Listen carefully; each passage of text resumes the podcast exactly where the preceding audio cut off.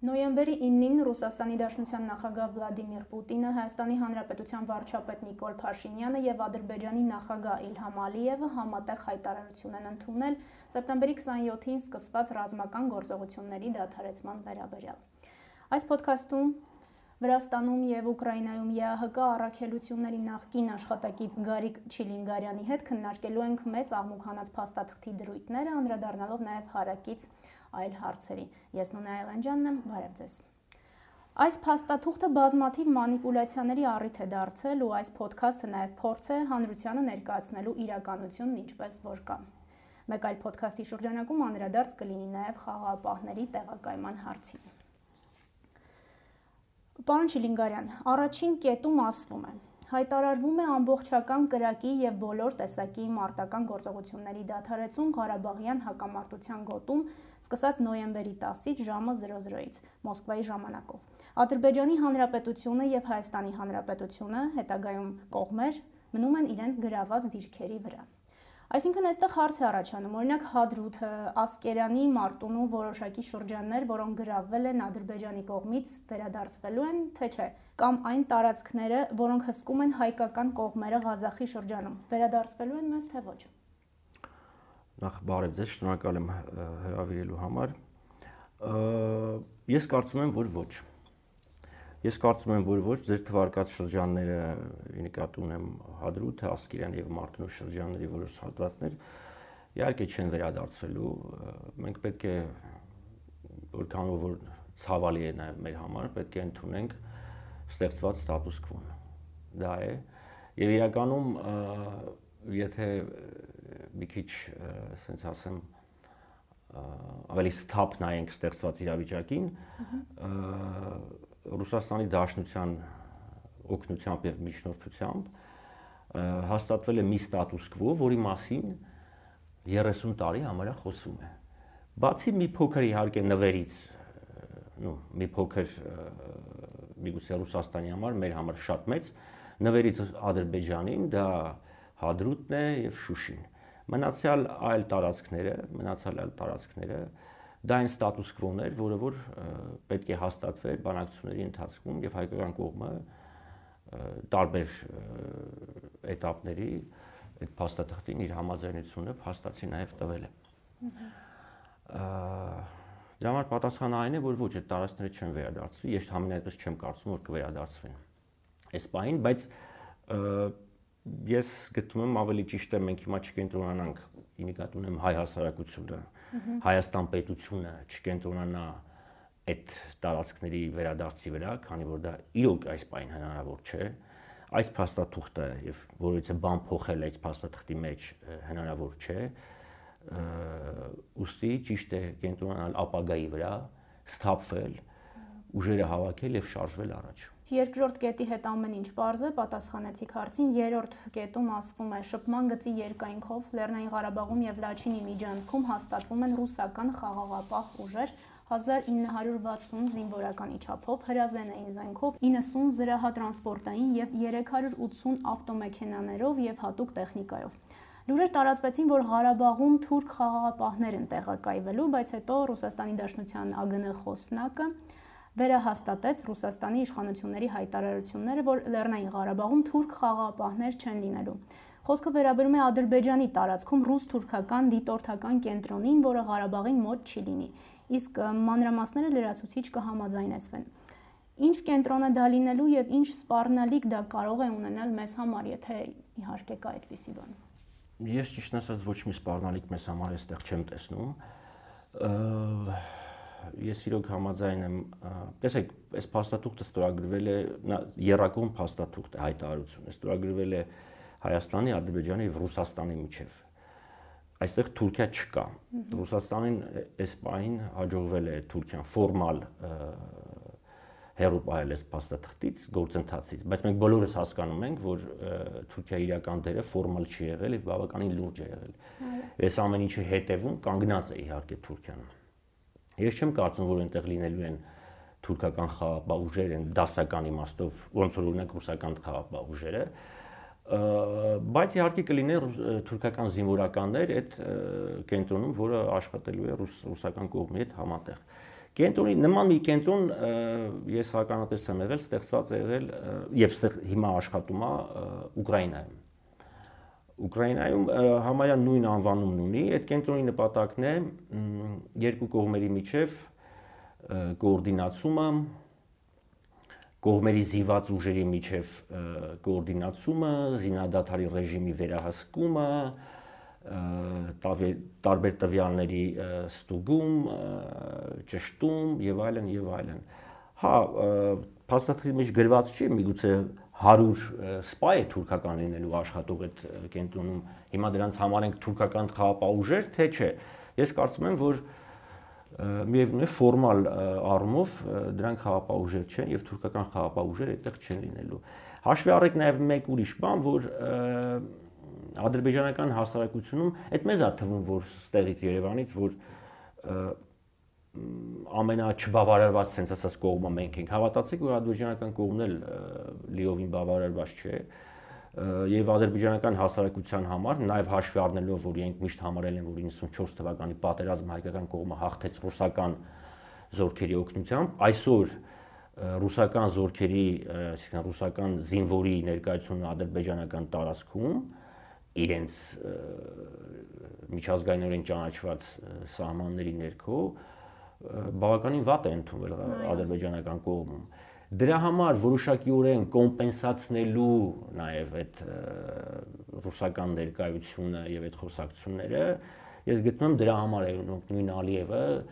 միշտ բարձրաձայնում, որ լինելու են թուրքական խաղապահներ, լինելու են թուրքական խաղապահներ, զուտ կոմպենսացնելու այդ դժգոհությունը, որ կա ռուսական զինվորի ներկայության կապակցությամբ Ադրբեջանի տարածքում։ Շատ լավ, շարունակենք եւս մեկ կետ, որի շուրջ նորից այսպես Եվ մի բան էլ կներեք ավելացնեմ, նու նորից իմ իմ փորձից Ուկրաինայից, իհարկե ուկրաինական կողմը Իհարկե որոշակի նաև ապացույցներ կային դրան, ռուսական կողմը, ուկրաինական կողմը միշտ մեղադրում է ռուսական զինվորականներին այդ կենտրոնում համատեղ, որ զբաղվում են հետախուզական գործունեությամբ եւ փոխանցում են մյուս կողմին բոլոր տվյալները, որ չպիտի փոխանցվեին։ Չեմ բացառում, որ այո, որ ասում եք ինչ վտանգ եմ սպառնում, այո, միգուցե այդ կարգի վտանգ սպառնի այն առումով, որ նու վստահ են, որ այնտեղ լինել են թուրքական հետախուզության աշխատակիցներ եւ թուրքական զինվորականների միջոցով Ադրբեջանը առաջին ձեռքից ստանալու է տեղեկատվությունը այդ կենտրոնի աշխատանքների վերաբերյալ եւ ընդհանրապես շփման գծի վերաբերյալ։ Հետաքրքիր էր։ Անցնենք առաջ, ռուսական խաղաղապահ զորակազմը տեղակայվում է հայկական ուժերի դուրսբերմանը զուգահեռ։ Խաղաղապահները մնում են 5 տարի ժամանակով ավտոմատ երկարացման հնարավորությամբ։ Եթե հաջորդ 5 տարվա համար կողմերը ժամկետի լրանալուց 6 ամիս առաջ չեն հայտարարում այս դրույթի կիրառությունը դադարեցնելու մասին։ Օրերս པարզ դարձավ, որ Ռուսաստանի անվտանգության դաշնային ծառայությունը 5 լրացուցիչ սահմանային կետ է տեղակայում Հայաստանի սահմաններին։ Երկուական կետ կտեղակայվի հայ նախիջևանական սահմանին, Երասխում եւ Պարույր Սևակում, երկուական կետ կտեղակայվի հայ իրանական սահմանին, Մեղրիում եւ Սղրթում Նռնաձորի մոտ։ Իսկ 5-րդ կետը կտեղակայվի Հայաստանի Սյունիքի մարզի տեղ գյուղում։ Այս լուրը կրկին հակասական տրամադրությունների առիթ դարձավ մեր հանրության շրջանում։ Ինչ առումով։ Հենց այն առումով, որ նորից սկսվեց կրկին մեզ են մոտենում ռուսական խաղապահներ, ինչու հենց այս տարածքներում եւ այլն եւ այլն։ Այստեղ ինչ եք տեսնում։ Ես պիտի անկեղծ լինեմ, իհարկե մենք բոլորս ճունենք լեարժեք տեղեկատվություն այս պահին ինչ վիճակում են հայկական զինված ուժերը։ Եվ ես կընթադրեի, որ մենք հասկանում ենք, որ ծանր կորուստներ են կրել եւ ամենակարևորը ծանր կորուստներ մարդկային ռեսուրսի առումով դե համար ես այստեղ շատ մեծ վտանգ եւ ինչ-որ խնդիր չէի տեսնի ես չեմ բացառում որ մենք այս պահին լիարժեք ի վիճակի էլ չենք պահել մեր սահմանը Ադրբեջանի հետ, ի նկատի ունեմ այդ տարածքները, որտեղ հիմա շուտով մուտք են գործելու ադրբեջանական զինված ուժերը, հասկանում եք, մենք միայն դիտարկում ենք Ղարաբաղը, բայց չէ որ նույն Սյունիքի հատվածով այդ Քաշաթաղի շրջան մուտք են գործելու ադրբեջանական զինված ուժեր եւ նորից ստացվում է հայկական կողմի հետ ուղիղ շփում։ Այդ իսկ պատճառով այնտեղ տեղակայվում են ռուսական նույնպես ռուսական խաղապահ ուժեր եւ միգուցե այս պահին նորից եմ ասում հաշվի առնելով որ պատերազմը նոր է վերջացել շատ ծանր եղել մեր համար եւ մեր զինված ուժերի համար ես գտնում եմ որ դա բավականին այո խնդիրներ կա ինքնիշխանության հետ եւ այլն եւ այլն բայց դե գիտեք դե եկեք ի վիճակի լինենք պաշտպանենք մեր սահմանը արդյոք ի վիճակի ենք արդյոք մեր զինված ուժերը այսօր են վիճակում են որ կարող ենք լիարժեք պաշտպանել բացի դրանից անգամ եթե կարողանայինք էլ միգուցե ռուսական զորքերի ներկայությունը այդ հատվածում կզսպի նաև ադրբեջանական կողմը որևէ պրովոկացիաներից, սադրանքներից եւ այլն եւ այլն ես այդտեղ խնդիր չեմ տեսնում։ Շատ Եվ դա իդեպ այդ ուժերի տեղակայումը դա ինչ որ sense քարացած բան չէ, ժամանակի հետ որոշ կետեր տեղակայման կետեր միգուցե կփոխվեն, կհանվեն կամ կավելացվեն, չես իմանում։ Աստված տա իրավիճակը, այսինքն նենց զարգանա, որ դրան չհասնի եւ բայց այս պահին դա ես գտնում եմ անհրաժեշտ միջոց։ Շատ լավ։ Դե այդտեղ խնդիր պետք չի տեսնել։ Մենք այլ շատ խնդիրներ ունենք, ժողով։ Մենք այլ շատ խնդիր, մենք հիմա նորից ցույց ենք տալի, որ մենք կենտ այսինքն առաջնայինը երկրորդայինից չենք տարբերում եւ կենտրոնանում ենք ինչ որ հարցերի վրա, որոնք այս պայն մեր համար ամենակարևորը չեն։ Հասկանում եք նորից մենք ես քիչ առաջ ասացի, մենք նորից կենտրոնանում ենք այդ հարցերի վրա, թողնելով բուն Հայաստանը, հասկանում եք, մենք 20 քանի տարի ապրեցինք այդ հարցի համար, ասենց ասեմ, բայց արդյունքում եւ հարցը չլուծվեց եւ սենց եղավ այս սենց կորուստներ եւ սենց պարտություն։ Ժամանակն է սթափվենք եւ կենտրոնանանք Հայաստանի վրա։ Հայաստանի վրա։ Այսօր այնտեղ կան տեղակայված ռուսական խաղապահներ, անվտանգությունը բնակչության ապահովված է։ Դա մեզ հնարավորություն է տալի գոնե այս этаպում կենտրոնանալ մեր խնդիրների վրա, Հայաստանի զարգացման վրա։ Դա է առաջնայինը։ Ես ավելի շատ ուշադրություն կդարձնեի ձեր քիչ առաջ կարդացած հարցի առաջին մասին, որտեղ խոսվում էր 5 տարվա 5 տարվա ժամկետի։ Այ դա ավելի, ասենց ասեմ, քննարկելիք խնդիր է, որի, նո, միգուցե ինչ-որ մտահոգության, քանզ թե մնացած այլ հարցերը, որովհետև իրոք 5 տարվա այդ փաստաթուղթը եւ խաղապանների տեղակայումը, բայց չի բացառում, որ 4.5 տարի հետո Ադրբեջանը կանգնի ասի, որ խնդրում եմ դուրս եկեք իմ տարածքից։ Այդ դա է հարցերը, որ մենք պետք է մտածենք։ Այ դրա մասին մենք պետք է մտածենք։ կարողանանք 4.5 տարի հետո պատրաստ լինել այդ պահին։ Ճիշտ է, ես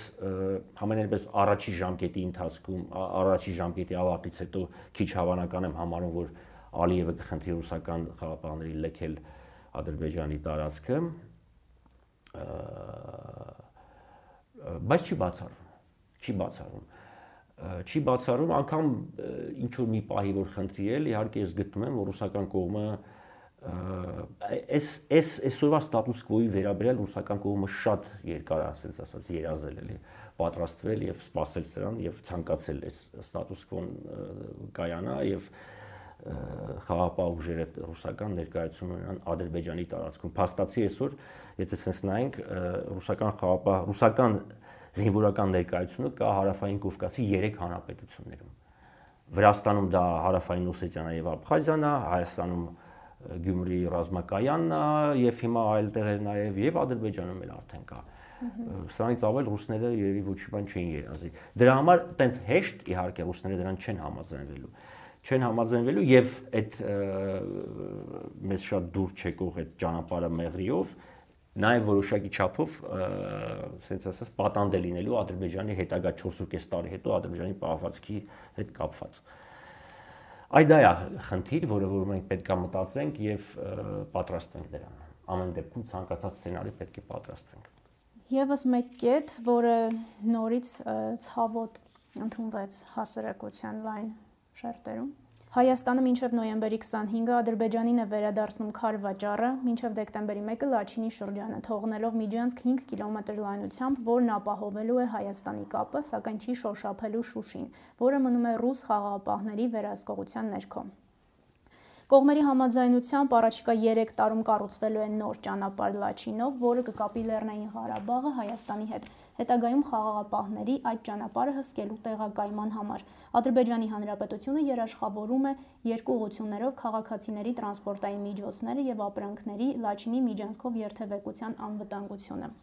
Կան մարդիկ, որոնք մինչև հիմա ասում են, ոչ, մենք չենք դուրս գալու այդ տարածքից, Լաչինից, Միջանցքից, մինչև մականգնած վերահսկում ենք եւ այլն եւ այլն։ Նորից այս ամենը այն է, ինչ տարածվում է սոցցանցերով ու ազդում մարդկանց գիտակցության վրա։ Այս կետի հետ կապված ինչ կասեք։ Ճիշտ ասած, ես կարծում եմ այդ նման հայտարարություններից շատերը fake հայտարարություններ են։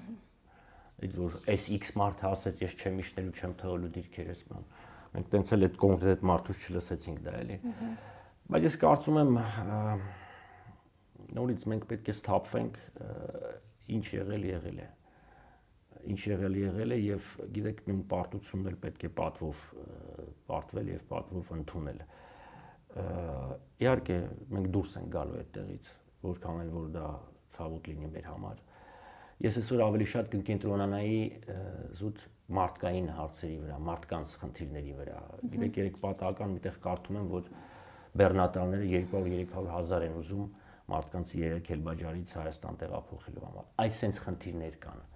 մենք նորից թողել ենք մարդկանց կյանքերը, մարդկանց ընտանիքները թողել ենք եւ ընկել ենք ես հասկանում եմ, հա, բայց մենք իրականում բոլորն էլ, բոլոր ղեկավարները Հայաստանի 26 տարվա ընթացքում շատ լավ գիտակցել են, շատ լավ գիտակցել են, որ մի օր տալու են Քելբաջարը։ Բոլորն էլ գիտակցել են, անկախ իրենց չգիտես ինչ ուրա պատրիոտիկ հայտարարություններից, գիտակցել են, որ տալու են եւ ներքուս պատրաստ են եղել որ տանը։ Պարզապես այդ խիզախությունը չեն ունեցել եւ աթորը պահելու ցանկությունը շատ ավելի մեծ է եղել եւ չեն կարողացել կանգնեն եւ իրենց քաղաքացիների աչքերին նայելով դա ասեն։ Եվ ակայի մի ղեկավարը Հայաստանում ունեցել, որ այդ ազնվությունը ունեցել է, եւ չի կարճել աթորից, դա աթորից դա եղել է Լևոն Տեր-Պետրոսյանը, ճիշտ ասենք որը ճշմարտությունը ասելը գերադասեց աթորը պահելուն Դրա համար հիմա մենք պետք է կենտրոնանանք մարդկանց օգնելու, մարդկանց Հայաստան տեղափոխելու։ Ես հիմա մի շատ վատ բան էլ կասեմ իհարկե, բոլոր ինձ կքարկոծեն դրա համար։ Բայց գիտեք, տեսեք ինչ կորուստներ ունենք, ինչ խնդիրներ ունեն այդ ընտանիքները, որոնք զոհվածների ընտանիքները, հաշմանդամների ընտանիքները, ինչ խնդիրներ ունեն բնակիչները Քելբաջայից, որ հիմա պետք է դուրս գան հաստատ ինձ քարկոծելու են, բայց ես ուզում եմ դադիվանքի մասին խոսեմ։ Գիտեք, ի վերջո դա 4 պատ է։ Եկեք ճիշտը խոսանք էլ։ 4 պատ է։ 4 պատ է, մենք չգիտեմ, էլի մեր պատմության ընթացքում այդ տենց եկեղեցիներ, եկեղեցիներ, մենք զենք առնելու տեղը եկեղեցի ենք կառուցում, էս ենք անում։ Հիմա դա Աստված, ես ոնց հասկանում եմ, դադիվանքը կմնա ռուսական, ասած ասած պաշտպանության տակ ռուսական խաղապահների ամենայնպես այս պահին թե հետո ինչ կլինի չգիտեմ, բայց ի վերջո եկեք առաջ նայենք, առաջ նայենք եւ մարդկանց մասին մտածենք։ Բերենք այդ մարդկանց, տեղավորենք, օգնենք, ասում եմ 300.000 դրան փող են ուզում բեռնատարները Քելբաջարից մարդկանց իրերը տեղափոխելու համար, մարդիկ կատաստրոֆայի առջև են կանգնած։ Դրամ իսկ մենք ընկել ենք 4 պատի մասին ենք մտածում։ Հա, մեր դադիվանքն է, այո, խաչքարերը պետք է բերել, բայց եկեք չմոռանանք 26 տարի առաջ ինչ վիճակում ա եղել այդ դադիվանքը էլի։ Հասկանում եք, դե հիմա էսա։ Էսա։ Չեմ ուզում ուրիշ բաներ ասեմ, որ բարի լիներ մեր պետությունը, մեր հասարակությունը լավ պատրաստված լիներ այս պատերազմին, այս արդյունքները չունենային, բայց հիմա նորից էլի ինգել ենք այլ ինչ որ բաների հետևից էլի մարդկանց թողած մարդկանց որոնք որ մարդը որը որ ամենամեծ արժեքն է այս պետության հասկանում եք այդ մարդիկ են չէ գալու ուստեղ տեղ եթե տեղավորվեն լավ լինի իրենց կյանքը երեխաներ են ունենալու զինվորներ են տալու այս երկրին չէ ոչ թե դադիվանքը հասկանում եք ինչ ասել եմ ես գիտեմ ինձ շատ մարդ կանիծի ես բառերի համար, բայց ես պետք է ասեմ այն ինչ որ մտածում եմ ինչ ասում։ Նաև այսպիսի կետ կա. ներքին տեղահանվածները եւ փախստականները վերադառնում են ԼՂ եւ հարակից շրջաններ ՄԱԿ-ի փախստականների հարցերով բարձր հանձնակատարի հսկողության ներքո հենց նրանք էլ երաշխավորելու են բնակչության անվտանգությունը այս առումով։ Իհարկե ոչ։ Իհարկե ոչ։ Նախ սկսեմ նրանից, որ որքանով որ ես գիտեմ, փաստաթուղթը ստոր, նու կազմելուց, ստորագրելուց եւ այս կետերը ներառելուց ՄԱԿ-ի փախստականների հարցերով բարձր հանձնակատարի մասին հիշատակելուց առաջ, որքանով որ ես գիտեմ, անգամ ոչ մի կապ չի հաստատվել եւ ոչ մի խոսակցություն անգամ այդ գրասենյակի չի եղել։ Դա պարզապես գրվել է, Իհարկե հիմա ինչպես տեսնում ենք, Ռուսաստանի նախագահ հանձնարարեց արտգործ նախարարին կապվել ՄԱԿ-ի բոլոր գերատեսչությունների եւ գործակալությունների հետ ներգրավելու առումով հույս ունեմ, որ կներգրավեն, բայց ինչ վերաբերում է անվտանգության երաշխիքներին, իհարկե սա ՄԱԿ-ի փախստականների հարցերով բարձր հանձնակատարի խնդիրը չի եւ իր հարցը չի դա նորից վերադառնանք ռուսական խաղապահների հարցն է անվտանգությունը ապահովելու է ռուսական խաղապահների կողմից այդպիսի մի անորոշ հարցին է կարգավիճակի հարցի վերջում մենք անընդհատ խոսում ենք դուք ինչի կարգավիճակի այն ինչ մնացել է եղածի կարգավիճակի Ժուրջան, դե իհարկե դա հետագա բանակցությունների հարց է, հենց դա է խնդիրը, որ մենք նորից իհարկե դրա համար նույն որ մի քիչ առաջ ասում էի դժգոհությունը կա նաև Ադրբեջանում, ի վերջո հարցը չլուծվեց։ Հարցը չլուծվեց, ստատուս կվոն փոքրինչ փոխվել, ну փոքրինչ ասելով, փոխվեց ստատուս կվոն եկավ որոշ փոփոխություն, որոշ փոփոխություններ, այն ստատուս կվոն, որը որ 20 քանի տարի սպասվում էր, բայց հարցը վերջնական հարցը չլուծվեց։ Ես գիտեմ մի բան, ժողովուրդ, որ մենք դա էլ շատ կարևոր է հասկանանք էլի։ Հասկանանք նորից որ մեզ առաջ շարժվելու համար։ Երբեք, ու դա իմ կարծիքն է, երբեք, երբեք Ադրբեջանի ոչ մի իշխանություն չի ընդունելու Լեռնային Ղարաբաղի անկախությունը։ Երբեք Ամենպես այս պահին մենք ունենք Ալիևի հայտարարությունը, որ իր նախագահության օրոք, իսկ մենք հասկանում ենք, չէ, որ իր նախագահություն ասելով դա դեռ շատ երկար է տևելու, մանավանդ այս պատերազմից եւ պատերազմի արդյունքներից հետո ադրբեջանական կողմի համար։ Այդ հայտարարությունը, որ Ալիևը արեց, որ իր նախագահության օրոք Լեռնային Ղարաբաղի անկախություն երբեք չի լինելու։ Եվ մենք եկեք չտարապենք այդ իլյուզիաներով, որ Ադրբեջանը մի օր դա ընդունելու։ Երբեք դա տեղի չի ունենալու երբեք։ Եվ հիմա նորից մենք էլի նույն բանն ենք անում, նորից կենտրոնանում ենք հարցերի վրա, որը որ մարդկանց մասին եկեք մտածենք։ 30 տարի ի վերջո առանց կարգավիճակի չի ապրել Ղարաբաղը։ Կարգավիճակ չի եղել, չէ։ Ապրելա, չէ։ Դե հիմա էսա կարողանա մեր դիվանագիտությունը բանակցել, չգիտեմ, ինչ որ հրաշքների հասնել, որ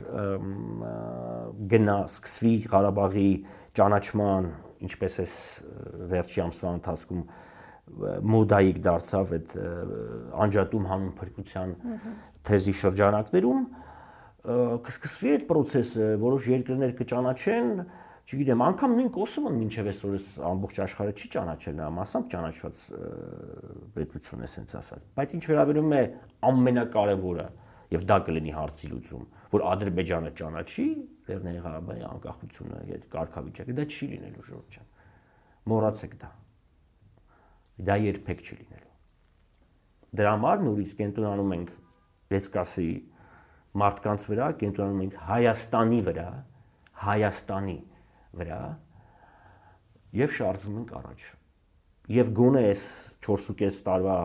մինչև այդ առաջի սենց ասած սպառնալիքը, որ հանգած Ադրբեջանը կարող է ասի դուրս եկեք խաղապահուժեր ռուսական, մինչև այդ առաջին պոտենցիալ սպառնալիքը ստատուս կվոյի խախտման, հզորանում ենք ինչքան հնարավոր է բայց մենք դա կարող ենք անել միայն սթափվելով, դադարելով լացել դադիվանքի վերաբերյալ դադարելով լացել այս հարցի վրա, այն հարցի կամ կենտրոնանալ ստատուսի վրա, թողնելով Հայաստանը, Հայաստանի խնդիրները, հազարավոր վիրավորվածներ, հաշմանդամներ, ընտանիքներ, վերջը էլի, ինչ ասեմ, Մենք ի վերջո զինված ուժեր վերական մենք լուրջ հարված ենք ստացել։ Լրջագույն կորուստներ ունենք եւ մարդկային եւ տեխնիկայի։ Մենք պետքա վերականգնենք, չէ՞ դա։ Ինչ ինչի ստատուսի մասն եք խոսում, որ այս sense որ շարունակվի, հարցականի տակ է Հայաստանի ստատուսը։ Հայաստանի ստատուսը, ժողովուրդ, եկեք Հայաստանի վրա կենտրոնանանք այստեղ մնաց եւս երկու կետ, որոնց շուրջ նախավերջին կետում ասվում է շատ ցավոտ կետ, իրականացվում է ռազմագերիների, պատանների եւ մյուս պահվող անձանց փոխանակություն, գիտենք ինչ է կատարվում, ինչ օրս։ Ես անձամբ այս անձնապես այս ցավի մեջ եմ, զարմիկ ունեմ կորցրած, որ չեն կարողանում մարմինը գտնել եւ ամեն 2-3 օրը մեկ մորգերում ենք, գիշերներ ենք անցկացել մորգերում, այս սա է խնդիրներ։ Այս սա է խնդիրներ։ Հասկանում եք։ Այս սա խնդիրներ եւ մենք մեկը մեր ընտանիքը մենք չենք հանգստանալու, միջև գոնե գոնե ինչ որ մասունքներ չգտնենք բերենք։ Այս սա է խնդիրները ժողովուրդ։ Այո, այ այ մեր ընտանիքի մեջքը կոտրված կմնա, միջև մենք գոնե ինչ որ տեղեկություն չստանանք։ Այս հարցերի մասին է պետք մտածել։ Նորից եկանք մարդուն որպես գերագույն արժեք գնահատելուն եւ Հայաստանի հզորացմանը։ Եվ վերջին կետի մասին արդեն խոսեցինք, բայց եւս մեկ անգամ պատասխանները արդեն տվեցիք իհարկե, ապա արգելափակվում են բոլոր տնտեսական եւ տրանսպորտային կապերը ռեգիոնում։ Հայաստանը երաշխավորում է տրանսպորտային կապ Ադրբեջանի արևմտյան շրջանների եւ Նախիջևանի ինքնավար հանրապետության միջև տրանսպորտային այս կապը հսկում է Ռուսաստանի Դաշնության ԱԴՑ սահմանապահ ծառայությունը։ Կողմերի համաձայնությամբ կառուցվելու է տրանսպորտային ուղի Նախիջևանն ու Ադրբեջանի արևմտյան շրջանները իրար կապելու համար։ Այստեղ ընդհանրապես մեկ էսպես կոմենտ անեմ, ըստ վարչապետի սա չի նշանակում մեղրին կորցնել, ինչը շատ է կրկին քննարկվում, հա։ Ես որ մեզ էլ է ձեռնտու։ Այդ եզակի հարցերից է, որ վարչապետի հետ համաձայն եմ, այո, ես էլ եմ գտնում, որ չի կորցնում մեղրին։ Ի վերջո այդ հարցը շատ է քննարկվել ժամանակին եւ նորից շատ բան ընդունվել Հայաստանում, բայց որ մի քիչ ավելի խորանում ես կարդում ես ժամանակին ինչա քննարկվել, ինչ տարբերակներ, այդտեղ էլ վտանգ չկար ոչ մի որոշ հատվածներով հայկական բնակավայրերի հետ շփման կետերում այդ հատվածներով էստակադայով վերանցնում այդ ճանապարհը եւ ոչ մի խնդիր չկար։ Այստեղ ուրիշ բան ես կավելացնեմ։ Okay, դա գրված է Ադրբեջանի արևմտյան հատվածները Նախճիվանին կապելու։ Այ հիմա սթափվել է պետք եւ կենտրոնալ այլ հարցի վրա։ Բա մեր ստանալիքը սենց ասած նույնը որ վարչապետը ասում է ճանապարհ Երևանից Սյունիք, Հայաստանից Պարսկաստան երկարգից, այ հարցերը որ դրանով պետքա զբաղվել, ոչ թե լացել, որ մեղրին կորցնում Ոչ, մեղրին ո՞նց են կորցնում, չեն կորցնում։ Իհարկե չեն կորցնում։ Իհարկե այդ ճանապարհն էլ դե հիմա գրված է թղթի վրա ճանապարհ։ Դե էլի մեզանից է կախած, ոնց կբանակցենք, ոնց կգնա այդ ճանապարհը, կունենանք մենք Արաքսին ելք ճանապարհի հատվածներում, թե չենք ունենա, թե ոնց թե կամրջով կլինի, մեր ելքը դեպի Արաքս, թե չգիտես թունելով կլինի, թե հարցեր են։ Հարցեր են, այ պետքա սթափվել այս հարցերի մասին մտածել։ Այո։ Միանշանակ։ Բայց ես սրա մեջ իհարկե ասեմ, ես դրական բան եմ տեսնում սրա մեջ։ Դրական բան եմ, այսինքն եթե մենք պարզապես չենք տալի իրենց ճանապարհը ու վերջ դրանով, այլ տալիս ենք եւ մենք էլ մեր հերթին ենք ստանում ճանապարհները, ես շատ դրական բան եմ տեսնում սրա մեջ։ քանի որ քիչ առաջ խոսում էինք հզուրանալ, զարգանալ, բան մենք չենք կարող այս վիճակով հզուրանալ, զարգանալ այս փակ ճանապարհներով, այս այս այս։ Այո, մեզ պետք են այդ ճանապարհները։ Ես գտնում եմ, որ պետք է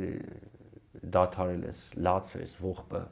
կոտրված մեջք շատ ծանր է, բան չունեմ ասելու։ Բայց եկեք մի պահ մտածենք, կա աշխարհի տակ է պետություն, որի պատմության ընթացքում միայն հաղթանակներ է կրել։ Չէ։ Բոլորն էլ պարտություններ են կրել։ Մենք տեսեք ինչ պետություններ կան, ինչ պարտություններ են կրել հողին հավասարացրած են եղել։ Ճապոնիա, Գերմանիա, այլ Թուրքիա, նույն Թուրքիան ինչ վիճակում է եղել։ Ժորժան, ես մի բան ասեմ,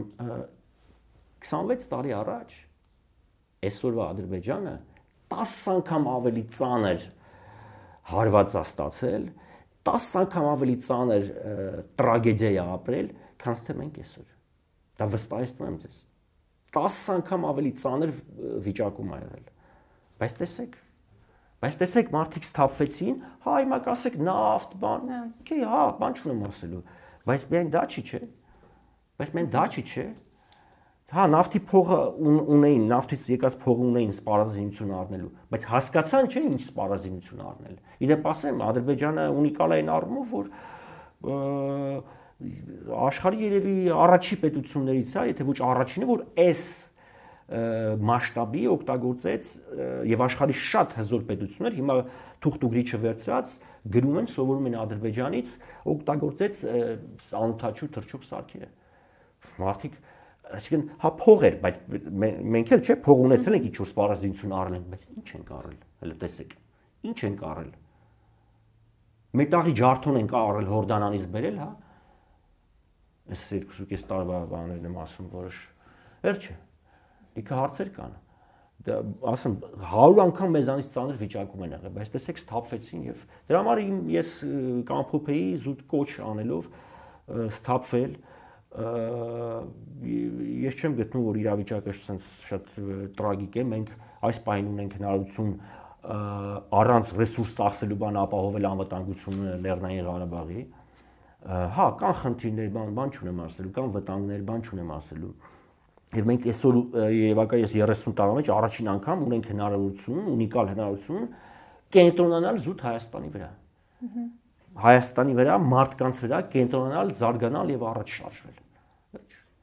Եվ այս ողբը պետք է դադարեցվի իշխան հնարաշուտ։ Շնորհակալություն։ Հիշեցնեմ, որ New Armenia-ի ոդքասթների սրահում հյուրընկալել էինք նախկին դիվանագետ եւ Վրաստանում եւ Ուկրաինայում ԵՀԿ առաքելությունների նախկին աշխատակից Գարիկ Չիլինգարյանին։ Ստեսություն։ Ստեսություն ձեզ։